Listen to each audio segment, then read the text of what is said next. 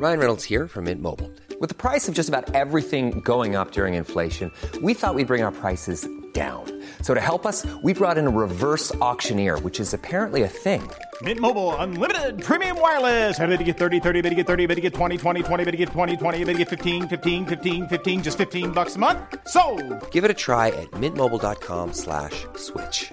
$45 upfront for three months plus taxes and fees. Promo for new customers for limited time. Unlimited more than 40 gigabytes per month. Slows. Full terms at mintmobile.com.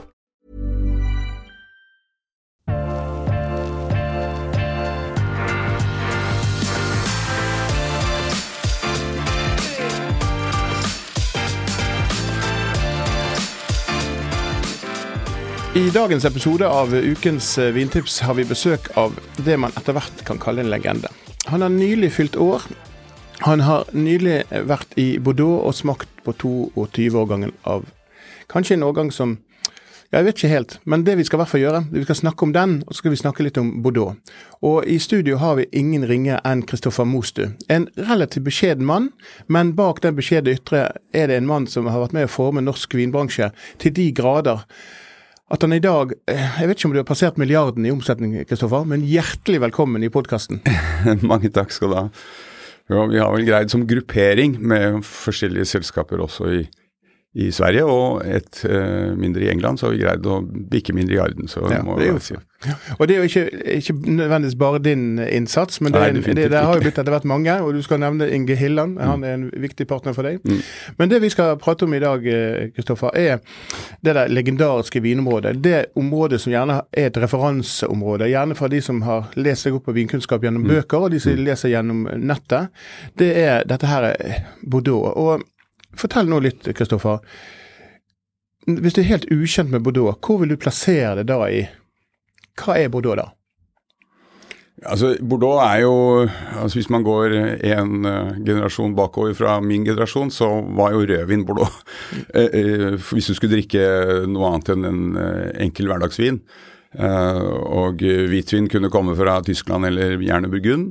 Eh, men, eh, men rødvin, det var Bordeaux. også. Bordeaux er jo verdens største kvalitetsvinområde og lager en vinstil som vi i Norge liker veldig godt, og som har vært stor og klassisk i England og Benelux-land osv. Så, videre. så det er et stort europeisk marked som jo har utvidet seg til andre verdensdeler.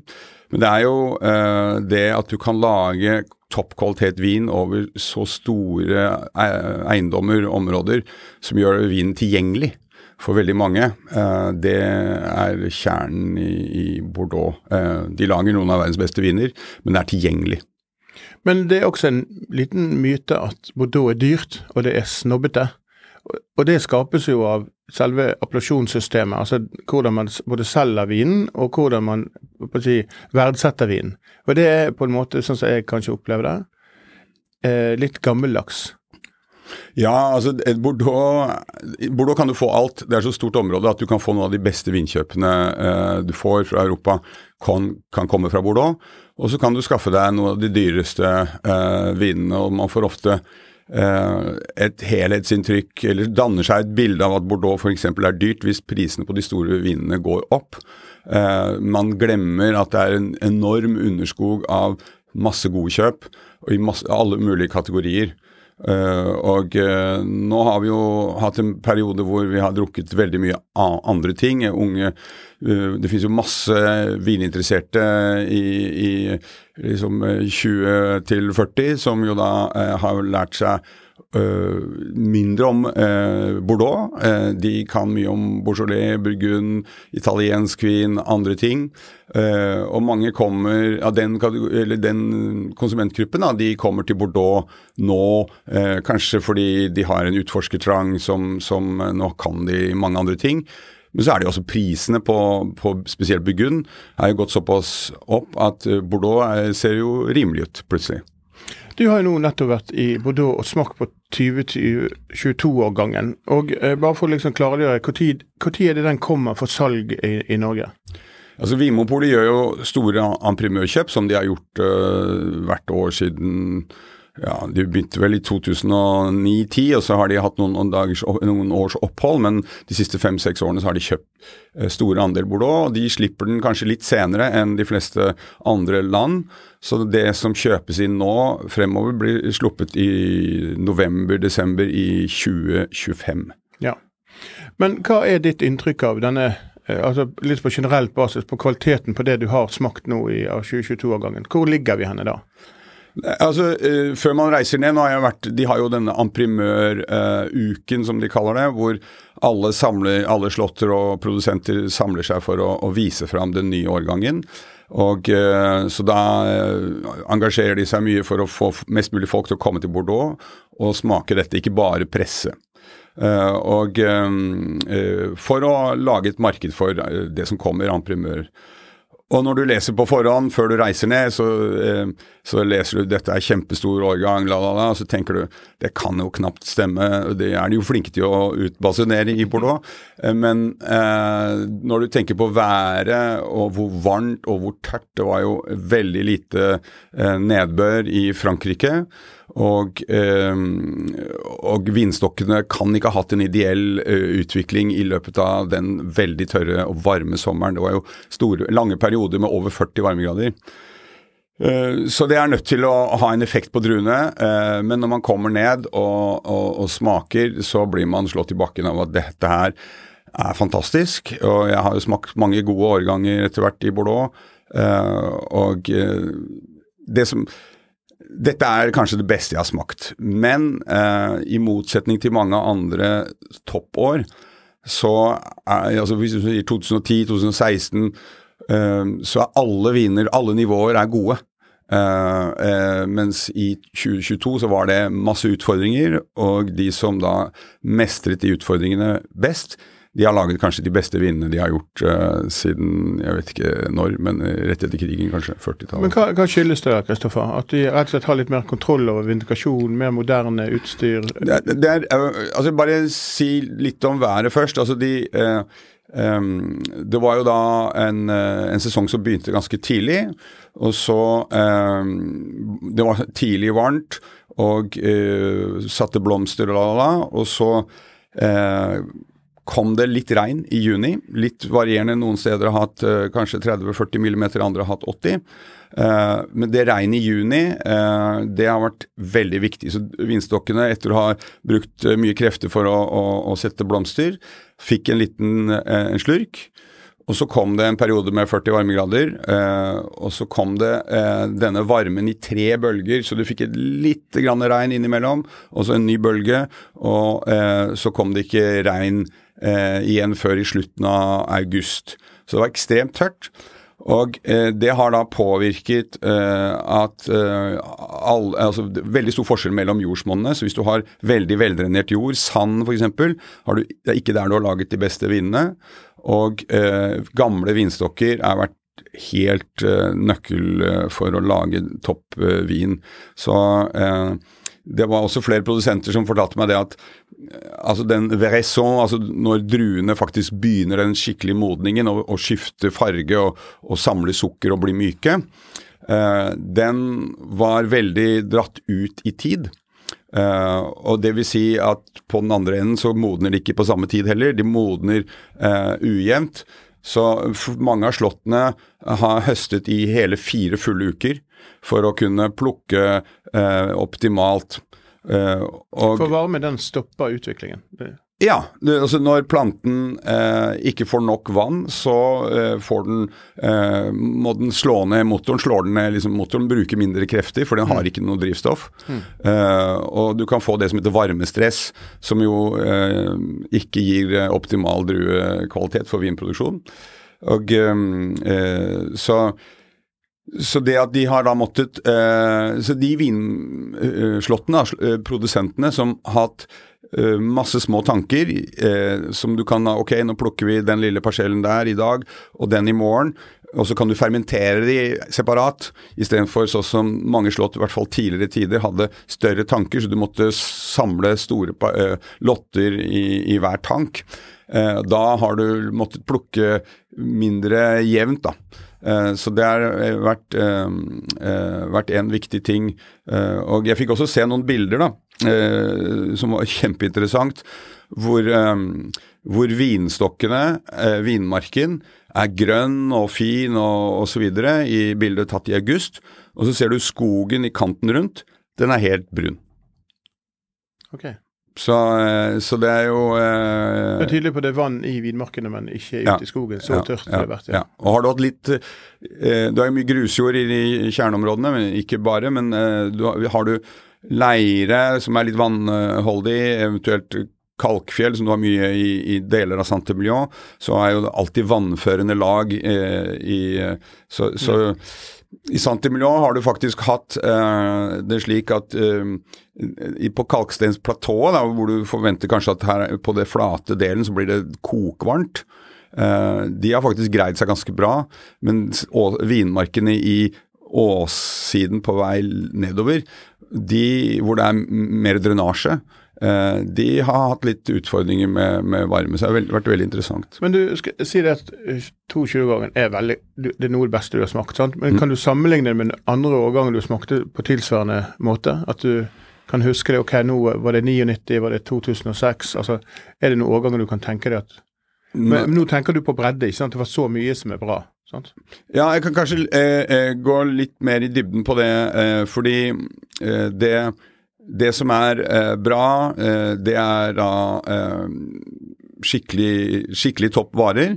Men det er jo generelt de slottene som har stor vindmark, litt variert eh, jordsmonn, eller i hvert fall variert alder på vinstokken osv., og, så og har dette batteriet med små tanker.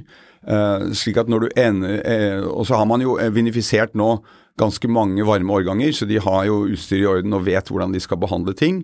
Så eh, du har jo, eh, selv om det har gått bra, så har du jo hatt en rundt 30% avlingsreduksjon. Så det du har høstet, er et lite druebær med tjukt skall, så masse smak. Så eh, i utgangspunktet eh, noe som er kanskje for mye. Så du må ha vært ekstremt forsiktig med å ekstrahere. Så nesten alle slått har tatt veldig sånn hands off, veldig rolig masterasjon. Eh, ikke nødvendigvis kortere, noen har tatt litt kortere, men eh, mange har rett og slett gjort vanlig lengde på rundt tre uker. Men de, eh, de har gjort mye mindre, kanskje nesten ingenting, annet enn å bare forsiktig holde eh, fermentasjonen i gang.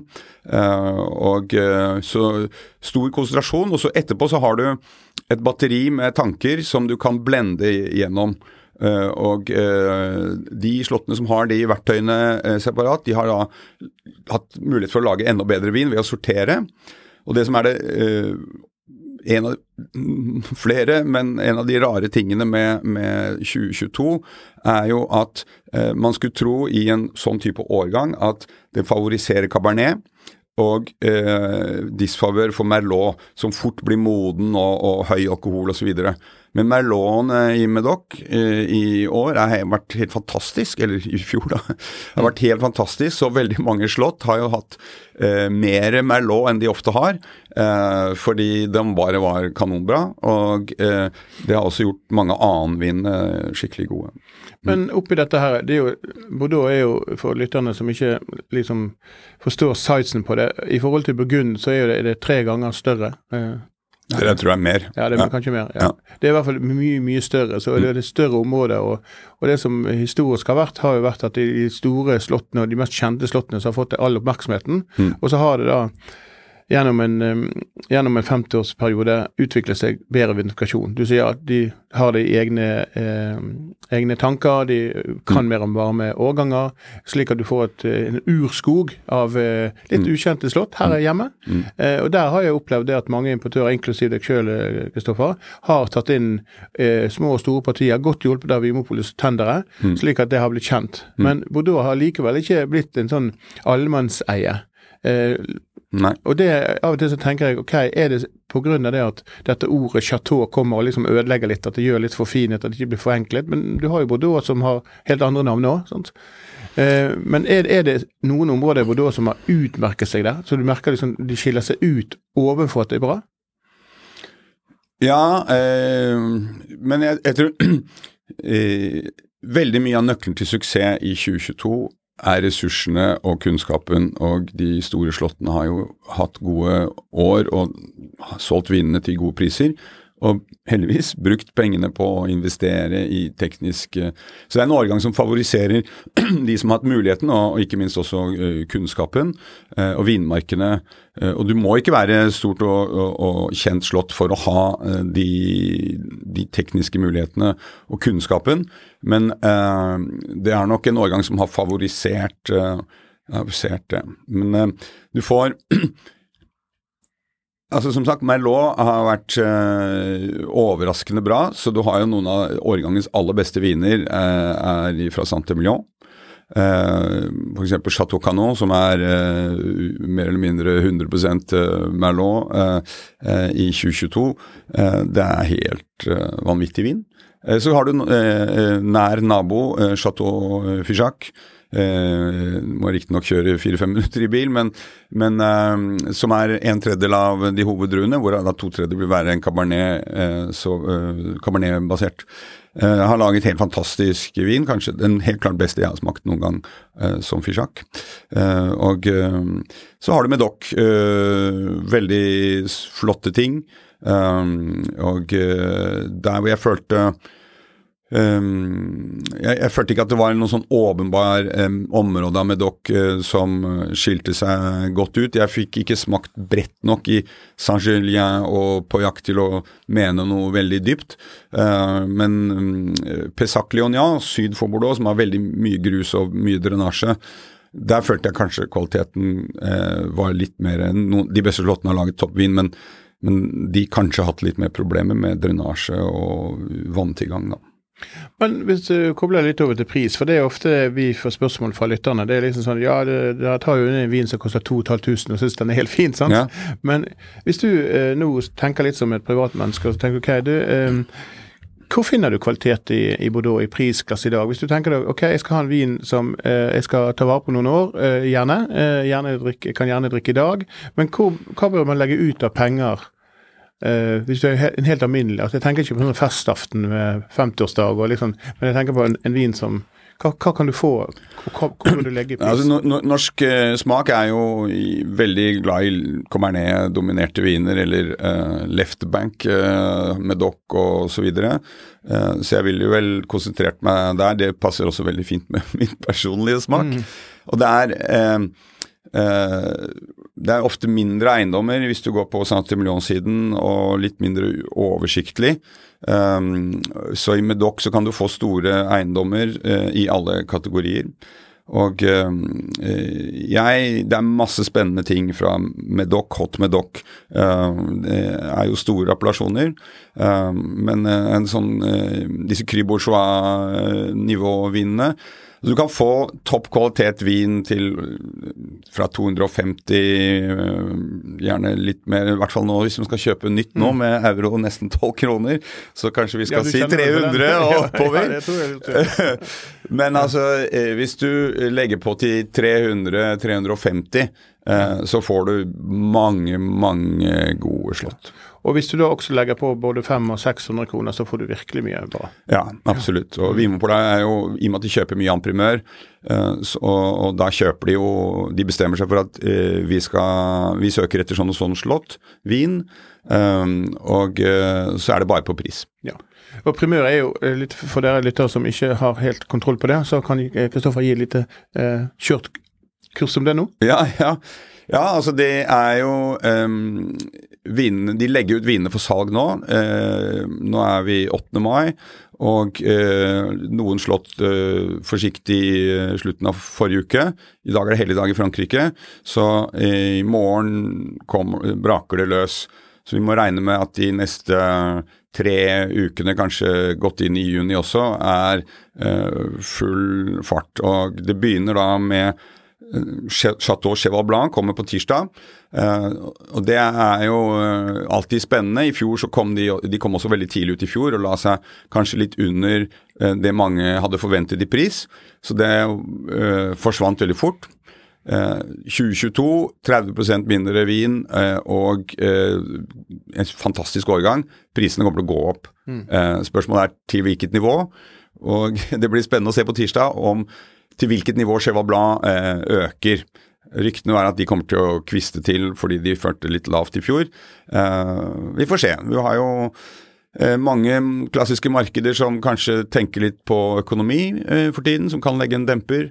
Uh, på den annen side så er jo et slott som Cheval Blad, som ikke er unikt på den måten, de har i dag så god råd, eller så gode økonomiske ressurser bak, at om de selger mye mindre av den første vinen som amprimør, så har de råd til å sitte på. Hva snakker du om med pris, da? Altså I fjor så tror jeg de kom ut på 300 Nei, de, ja, de kom ut på var det 200, rundt 300 euro, jeg husker ikke helt. Mm. Uh, men de har jo tidligere vært over 500 euro ja. uh, og solgt dårlig.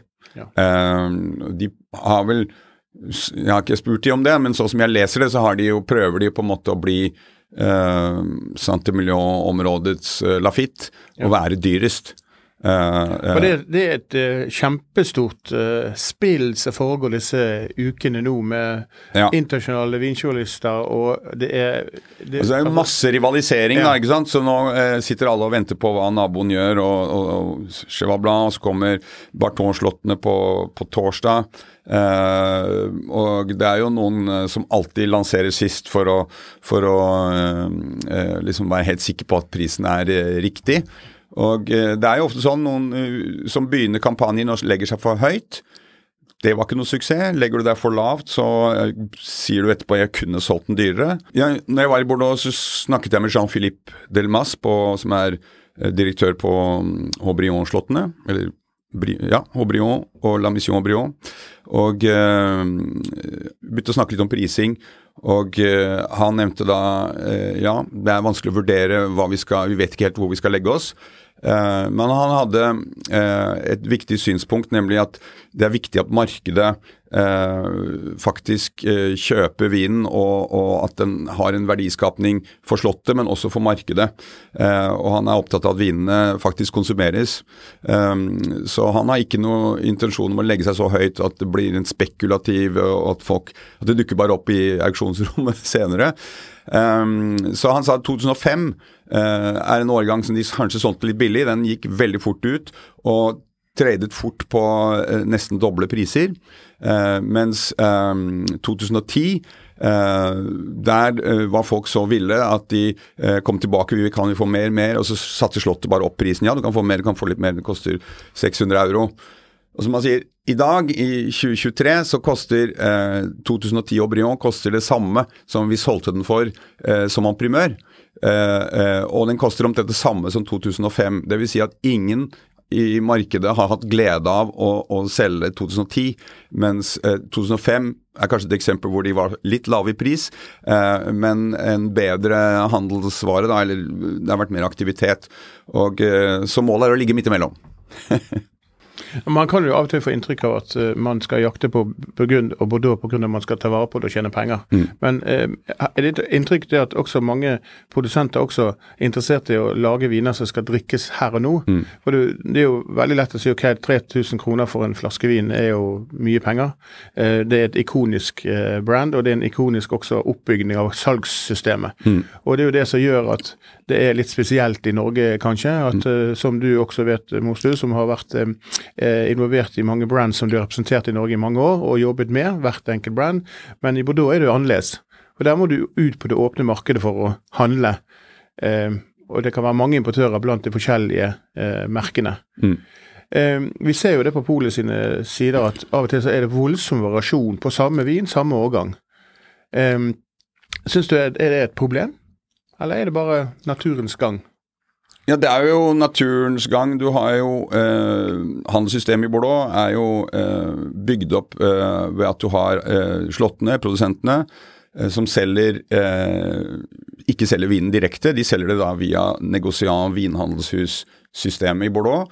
Og mellom der så har du en megler, en courtier, eh, så, eh, som bl.a. har en ganske aktiv rolle når de skal prissette eh, sin nye årgang nå. Eh, hvor eh, de kommer med råd, og du vurderer liksom hvor mye vin ligger igjen i markedet fra de tidligere årganger osv. Så, videre. så en helt, helt egen vurdering. Og så, eh, så er det jo konkurranse mellom negosiane. Noen har da kanskje stokk som ligger igjen fra tidligere innkjøp. Eh, og så er det en andre negosiant som har solgt tom, og så ringer de Slottet og sier kan vi kjøpe noe mer? Ja, det må de gjerne gjøre, men da er prisen sånn. Ok, så kjøper de til en annen pris, og hvis du da shopper litt rundt i Bordeaux, eh, så kan du da finne ganske store prisforskjeller på samme eh, vin, og eh, det, det har eh, årsak til at de kjøpte inn på forskjellige tidspunkt. Og så er det sikkert også forskjell på eh, vinlandshus, de, når de har hatt stokk liggende, hvor mye skal du sette den opp neste gang? Tåler den å settes opp? Eh, så du har en, en ganske aktiv prismekanisme. da. Så du, ei, du, du, du eier ikke på en måte direkte relasjon eh, til eh, eiendommen, sånn som du gjør i Burgund, hvor, hvor du har en avtale om at du importerer deres viner i Norge, og så lenge alle er fornøyd, så fungerer det bra. Det er jo sjelden at Burgund-domenet bytter De velger kanskje med omhu, og så varer det veldig lenge. Det er et tillitsforhold. Mens i Bordeaux så er det business. Så når du er ute med lommeboken din nå, eh, Kristoffer, og skal kjøpe 22, så er du litt forsiktig med lommeboken? Og- Ja, altså det, 22 blir jo spennende som sådan, fordi uh, euroen er så høy. Uh, så uh, jeg kommer til å Altså Vinmonopolet har lagt ut sin liste, og er vi gode på pris, så får vi solgt litt til Vinmonopolet. Men eh, vi kjøper jo alltid noe selv. Eh, og uh, i år så kommer jeg nok til å være ekstremt selektiv, fordi um, hvis det er sånn at euroen om uh, to år er ti kroner, um, så kan du er det jo dumt å kjøpe de vinene som du forventer du fortsatt kan skaffe i markedet om to år. Eh, eh, kjøpe de en primør til topp eh, pris, topp eh, eurokostnad. Eh, hvis de går opp 10% så er det likevel Hvis euroen går ned 20 så, så, så det er jo mm, en gamble.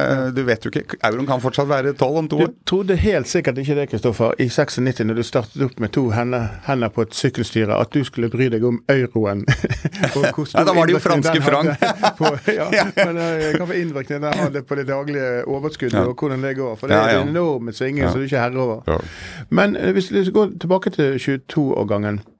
Eh, er det sånn at uh, dette blir en årgang uh, som blir litt sånn go to-årgang? Du sier at det er det beste jeg har smakt. sant? Dette her, er det slik at gå inn Nå vet vi ikke akkurat prisene akkurat hva han kommer ut av, men, men er det en årgang man skal jakte etter? Eh, vi, vi, vi har jo hørt både om 61-årgang og de store. Er det en slik årgang som vi har i vente? Ja.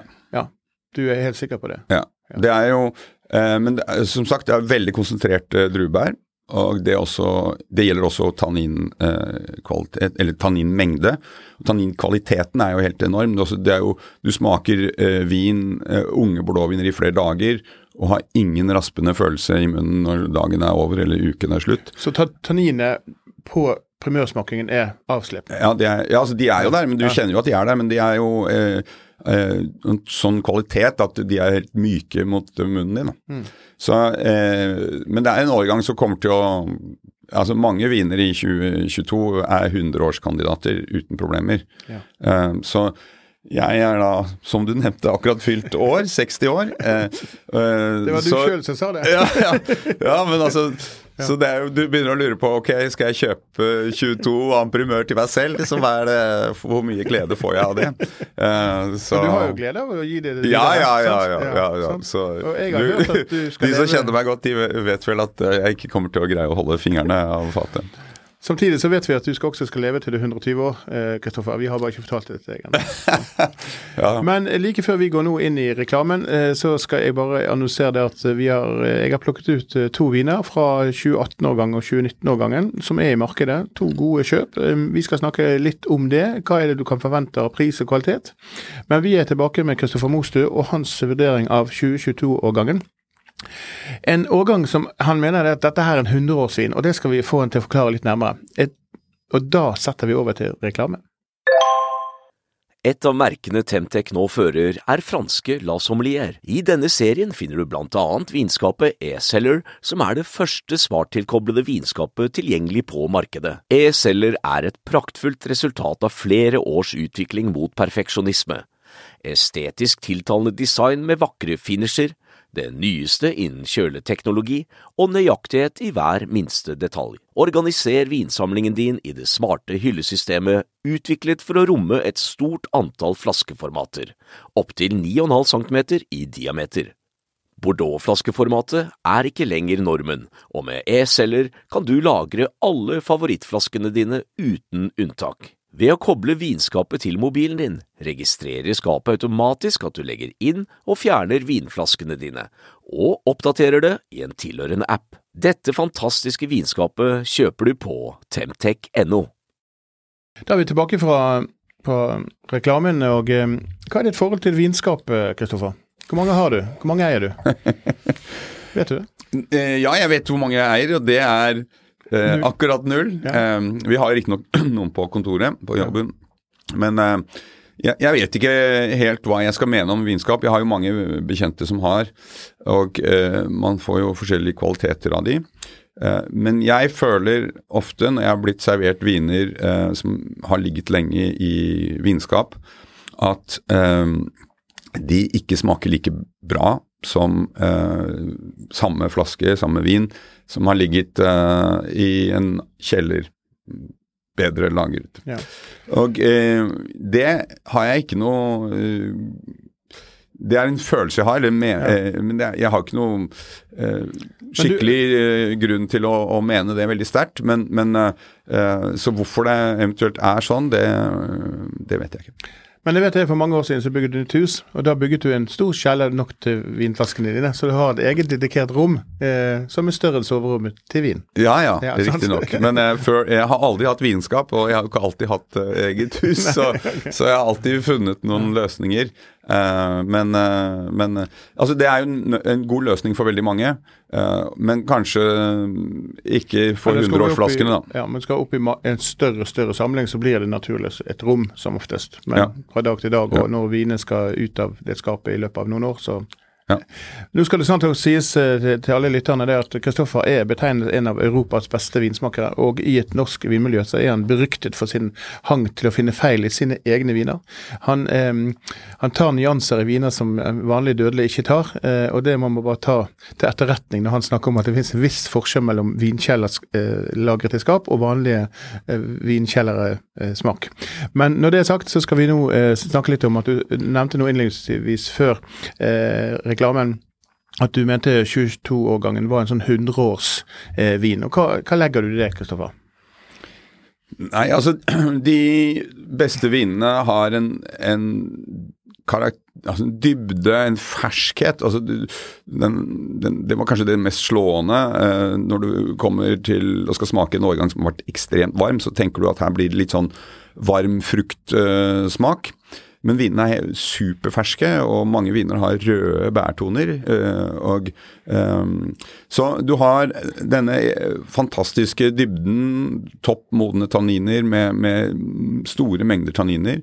Uh, som gjør at uh, Altså, det er en kompakt, tett, nydelig balansert vin.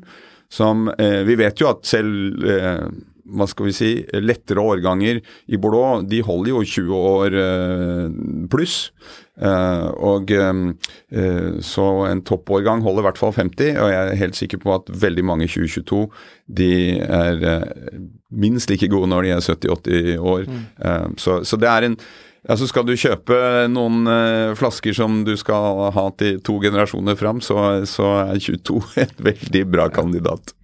Og jeg kan eh, avsløre for lytterne at vi i studio begge to har smakt eh, veldig gamle Bordeauxer som har denne 100-årssmaking, og, og det, er, det er noe helt eget. Mm. Jeg har min 1907 eh, Lafitte Rochille som jeg har smakt en gang. det var, Vi gjettet 1980, og det var, det var, Ja. var helt fantastisk. Ja. Men eh, jeg har tatt med meg to viner i studio. og eh, nå er det jo slik at eh, 22-årgangen kommer jo seinere, sant? Mm. Og eh, 2018-årgangen og 2019-årgangen. Hva kan du si om den årgangen som står bak disse to vinene som vi har med oss her? Hvis vi da begynner med 2018-årgangen. Hva husker du fra den, og hva er det som er det som gjør den eh, spesiell? Altså, Du har jo i utgangspunktet to varme årganger. Eh, eh, og eh, 2018 eh, var en årgang hvor eh, du hadde eh, mye regn, mye fukt om vinteren. Så det gikk at eh, eh, sesongen, vekstsesongen startet med mye vann i, i jorden. Men i løpet av sommeren så kom det veldig lite, kanskje så lite som at vi kan si ingenting. Så hadde ikke det vært masse vann i jorden i, i løpet av eh, Eller fra starten av, så hadde 2018 kanskje blitt eh, ganske katastrofalt vanskelig å lage god vin. Mens eh, Så det forblir en, en, en varmere årgang, men eh, det er laget mange, mange topp viner. Eh, og eh, nok en gang så er dette med vannmagasinerende evne i jorden veldig viktig. Så du har en årgang hvor det er eh, skiller litt Clinton fra Veten, og eh, forskjell fra slott til slott. Og kanskje ikke den årgangen eh, hvor du skal kjøpe annenvinene. annenvinene. Fordi der selekterte de ut det som Det gjør de jo for så vidt alltid, da. De selekterer jo alltid ut. Men i 2018 var det jo eh, en del lotter som kanskje eh, var preget av varmen, som endte opp med å bli annenvin, for å holde toppen på, på Vinen som vi eh, har skjenket i glasset, er en Chateau Carmaniere 2019. Um, den er ikke i, i så mange flasker igjen på polet, men det er jo det som er med, ofte med Bordeaux, at finner du produsenten, så er det stort sett etter, etter 2000 så er det bra årganger. Det, du må liksom ikke jakte etter den helt spesielle. Når Kristoffer roper 'kjøp 2022', så må man liksom bare høre etter det. Eh, men stort sett så er jo viner gode og 20-årskandidater minst fra Bordeaux. Men denne vinen her koster jo 364 kroner. Og den har ren, god frukt. Eh, den har tanniner som er markante fremdeles. Han har lang frukt i et- ettermat. Han har ikke så voldsom konsentrasjon, men han har all som møter et godt kjøttmåltid. Og sammenligner du med andre vinområder, så er han litt over, spesielt når du snakker om pris. Og jeg har en oppfatning av disse chateauer, men gjennom, nå, gjennom å smake det gjennom mange år, så føler jeg at 2019 er litt urtete. altså Han er litt umoden. Eh, litt grann, eh, oppleves i hvert fall som det er nå. Eh, men så, når vi da smaker på Hot batteri, er, er jo det en annen klasse, også en annen pris. 716 kroner jeg vil jeg si et røverkjøp for vinen. Eh, det er en årgang, eh, vin, vinflaske 2018-årgang som jeg føler at dette her er en vin som du kan ta vare på i 30-40 år, eh, men du må ikke det. Du kan hive frem et lammelår, og så har du eh, virkelig toppviner. Men eh, bare sånn, eh, du ba meg beskrive 18, ikke sant? Eh, Ja, vi har nå Ja. hoppet litt fortere. ja, ja, så du hoppet til går jo- 19, så jeg var bare litt Ja, lyst ja. bare passe på Nei, at det blir riktig. Ja, ja. Eh, jeg tenkte at eh, vi gikk litt fortere frem. Så det vi gjør nå, eh, la oss at vi stopper litt, grann, vi gjør en liten klipp, og så stopper vi der jeg begynner å beskrive Hot Batlid vin nummer to. Og Da spør jeg bare Kristoffer litt om årgangen. Men hvis vi går over til eh, Mens vi går over til 2019 Nei, unnskyld, 18-årgangen, Kristoffer. Eh, hva syns du om den? Vi var på 18-årgangen. Du, jeg har beskrevet 2018. For Ja, du sa vi, la oss begynne med jeg skjønner. 2018. Ok, ok, da er vi med da.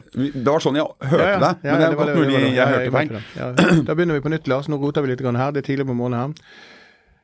Men hvis vi går over til 2019-årgangen, hva er det som skiller den fra 2018-årgangen? Altså Det er to varme årganger, Mm. eh, og, eh, men eh, 19 var det litt kjøligere eh, Det var ikke så ekstremt varmt, kjøligere netter. Så du har eh, hatt en, eh, en årgang som ikke er preget av eh, Altså den er varm, men den, vinene er ferske. da. Eh, så du har en helt annen druemodning. så jeg er veldig glad i, i 19. Det er jevnere eh, kvalitet i 19 enn 18. 18 er litt mer ekstrem, så du har litt større forskjeller. Eh, I 19 så er det en ganske bred, god kvalitet årgang. Eh, så her har vi da eh, Carmener liksom, eh, er et slott som ligger ganske langt nord i Medoc. Og eh, Det er en familie som eh, er i denne eiendommen i flere generasjoner. og Tidligere var det en del av et kooperativ. Så det er først eh, nå den yngste generasjonen har tatt ut og laget, eh, investert altså, du må jo lage, Når du har solgt, eller levert druene til kooperativ, så har du ikke så mange tanker og så videre hjemme, så du må investere eh, for å, å kunne lage egen vin. Og, eh, eh, så det har de, eh, har de gjort. Det er ikke en sånn veldig stor slott, det er rundt ni hektar som, som de lager denne vinen av. Eh, Og prisgunstig. Altså Prisgunstig. 364 er jo ingen ublid pris for en vin. og Det er jo det som er ofte med, med Bordeaux. det at Ja, det er litt prisforskjeller av og til, men stort sett så finner du veldig gode priser fra rundt 300 kroner opp til 700 for veldig drikkevennlige viner, men også lagringsdyktige viner. Forutsatt at du liker eh, rødvin. Eh, og Det er jo det som er ofte med disse vinene. Men hvis vi går over på den neste vinen, eh, så går vi opp over litt i kvalitet også, Kristoffer. Eh, og ikke minst merkevare, kanskje. Eh, hva kan du si om denne vinen her som, som gjør at den skiller seg litt ut, eh, kontra den som vi har i glasset? Den er jo da 716 kroner. Altså, hva er det du leter etter i, og ser i kvaliteten på den? Ja, Haute Batteri er jo et, um, et spennende slott. Det ligger veldig bra plassert i Pojak. Og eh, naboeiendommen eh, Lange-Bars, eh, eh, som drives av Cas-familien, eh, de kjøpte Chateau Aubaye i 2017. Så det er eh, en av deres første årganger. Eh, og uh, Haute er en eiendom som trengte masse investering. Eh, så det å kjøpe den er én pris, men det å sette den i stand er, er dobbelt så dyrt. Så eh, dette er deres annen årgang, da. Eh, og eh, eh, jeg eh, syns at eh, Nå har ikke jeg smakt den eh, på lenge, og jeg syns den er uvanlig åpen. Um, og eh, du merker Det er stor forskjell mellom Carminer og, og den er mye ferskere Carminer og en yngre, råere vin.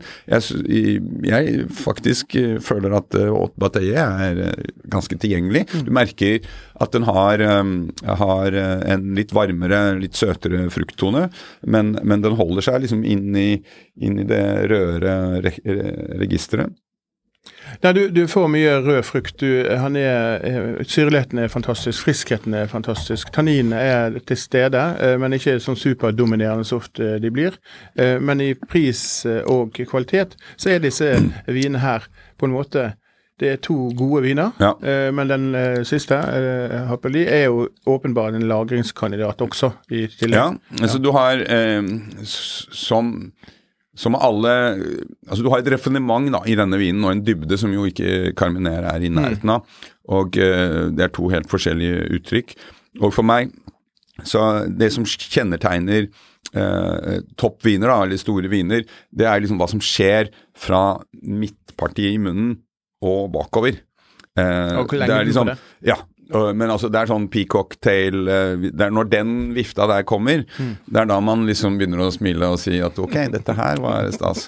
Um, så, så, så, så det er jo det er jo der man eh, virkelig får eh, kjenner terroir som er topp terroir. Når det, når liksom, det greier ikke, selv om du er flink til å lage vin på eh, Carmener, som er eh, bra, så greier de De vil aldri kunne få den, den der eh, viften bakover av eh, Så, så Det er første gang jeg hører en sånn peacock eh, vifte bak, men det er en god illustrasjon på liksom det der med å få en stor dybde bakover eh, når du virkelig Ja. treffer en stor. Det er et godt eksempel. Og Carmener den, den slutter jo mye på veldig fin frukt, og, og, men den, den, den bærer i seg litt mer sånn power, og den skal liksom vise at jeg er litt sterke. eh, mens eh, Hot Bataillé, eh, den er bare silke, da. Eh, og, og den bare små detaljer av flotte smaker.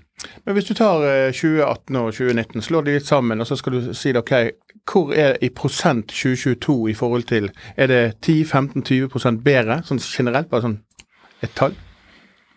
Si Ja, det er, eh, det er ikke tenk på Nei, altså Jo, det er ganske mye bedre. Altså. Ja. Det er, eh, Vi passerer eh, 30% altså, vi. Du kan si at avlingen ble redusert med 30% så Ja. det er i hvert fall 30 bedre. okay. ja. Da har vi konkludert her i studio med at 22-årgangen er 30% bedre enn 2018 og 2019 i ting. Kristoffer har gjort sin konklusjon. Vi har lært om peacock. Og igjen, eh, Kristoffer, går tiden kjapt. Vi har snakket i 50 minutter. Og det er alltid en glede å snakke med deg. Kunnskapsrik som vanlig. Yngre enn vanlig. eh, Og ikke minst eh, så gleder vi oss til å se alt det Mosto-gruppen eh, vil gjøre i, tiden fremover. Og eh, helt på slutten skal vi snakke litt om den første etasjen din som dere har bygget nå. Og hva er det dere har gjort i første etasje? Jo, vi eh, har laget et eh, eventlokale. Eh, og eh, det var en mulighet som dukket opp eh, ved gårdeier sier at vi, dere må vurdere å ta det lokale. Og så etter å ha sagt nei to-tre ganger, så sa vi til slutt ja. Det er jo mye som skal Skal vi gjøre det, så må du gjøre det ordentlig, liksom. Så, så det er jo mye ressurser, og vi har ansatt en egen person som skal styre det hele. Uh, men det bruker vi da, kommer vi til å bruke til smakinger. Uh, vi har jo masse uh, egne smakinger, pressesmakinger. produsenter som kommer opp. Uh, så det, kan, det, er veldig fleksibelt. Du kan ha alt fra barkurs, vi har jo et firma som driver med mm. uh, øl og brennevin. Uh, og du kan ha store vinsmakinger, og du kan ha store arrangementer parallelt for å sperre av deler av Så, så det, er, det er noe nytt og spennende. Vi hadde innvielse nå på fredag ja, som var. Hva blir navnet på? Ja, ja, vi Ja, det er vi kan jo ta det. Det er en artig historie. Ja, vi hadde jo da en navnekonkurranse. Ja kom inn nesten 200 forslag. Eh, vi har hatt en jury med Inge og meg og to eksterne.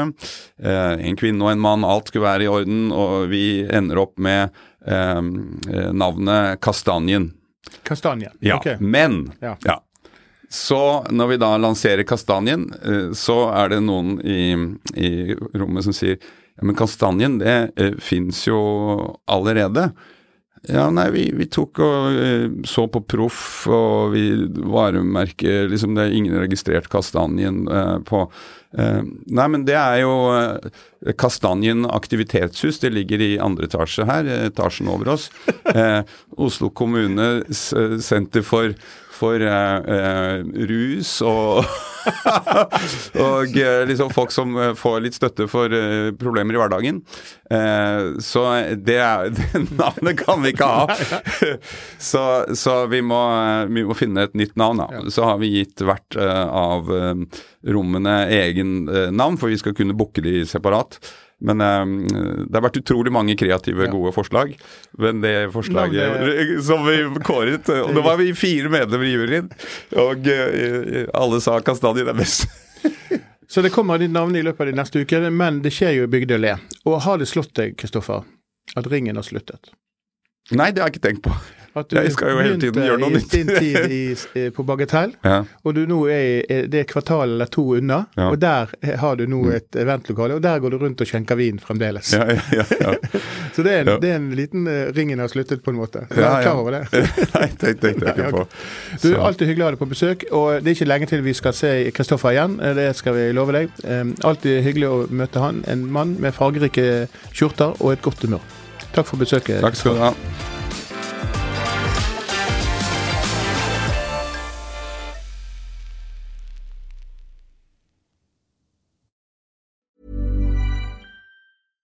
Ever catch yourself eating the same flavorless dinner three days in a row? Dreaming of something better? Well, HelloFresh is your guilt-free dream come true, baby. It's me, Kiki Palmer. Let's wake up those taste buds with hot, juicy pecan-crusted chicken or garlic butter shrimp scampi. Mm. Hello Fresh. Stop dreaming of all the delicious possibilities and dig in at HelloFresh.com. Let's get this dinner party started.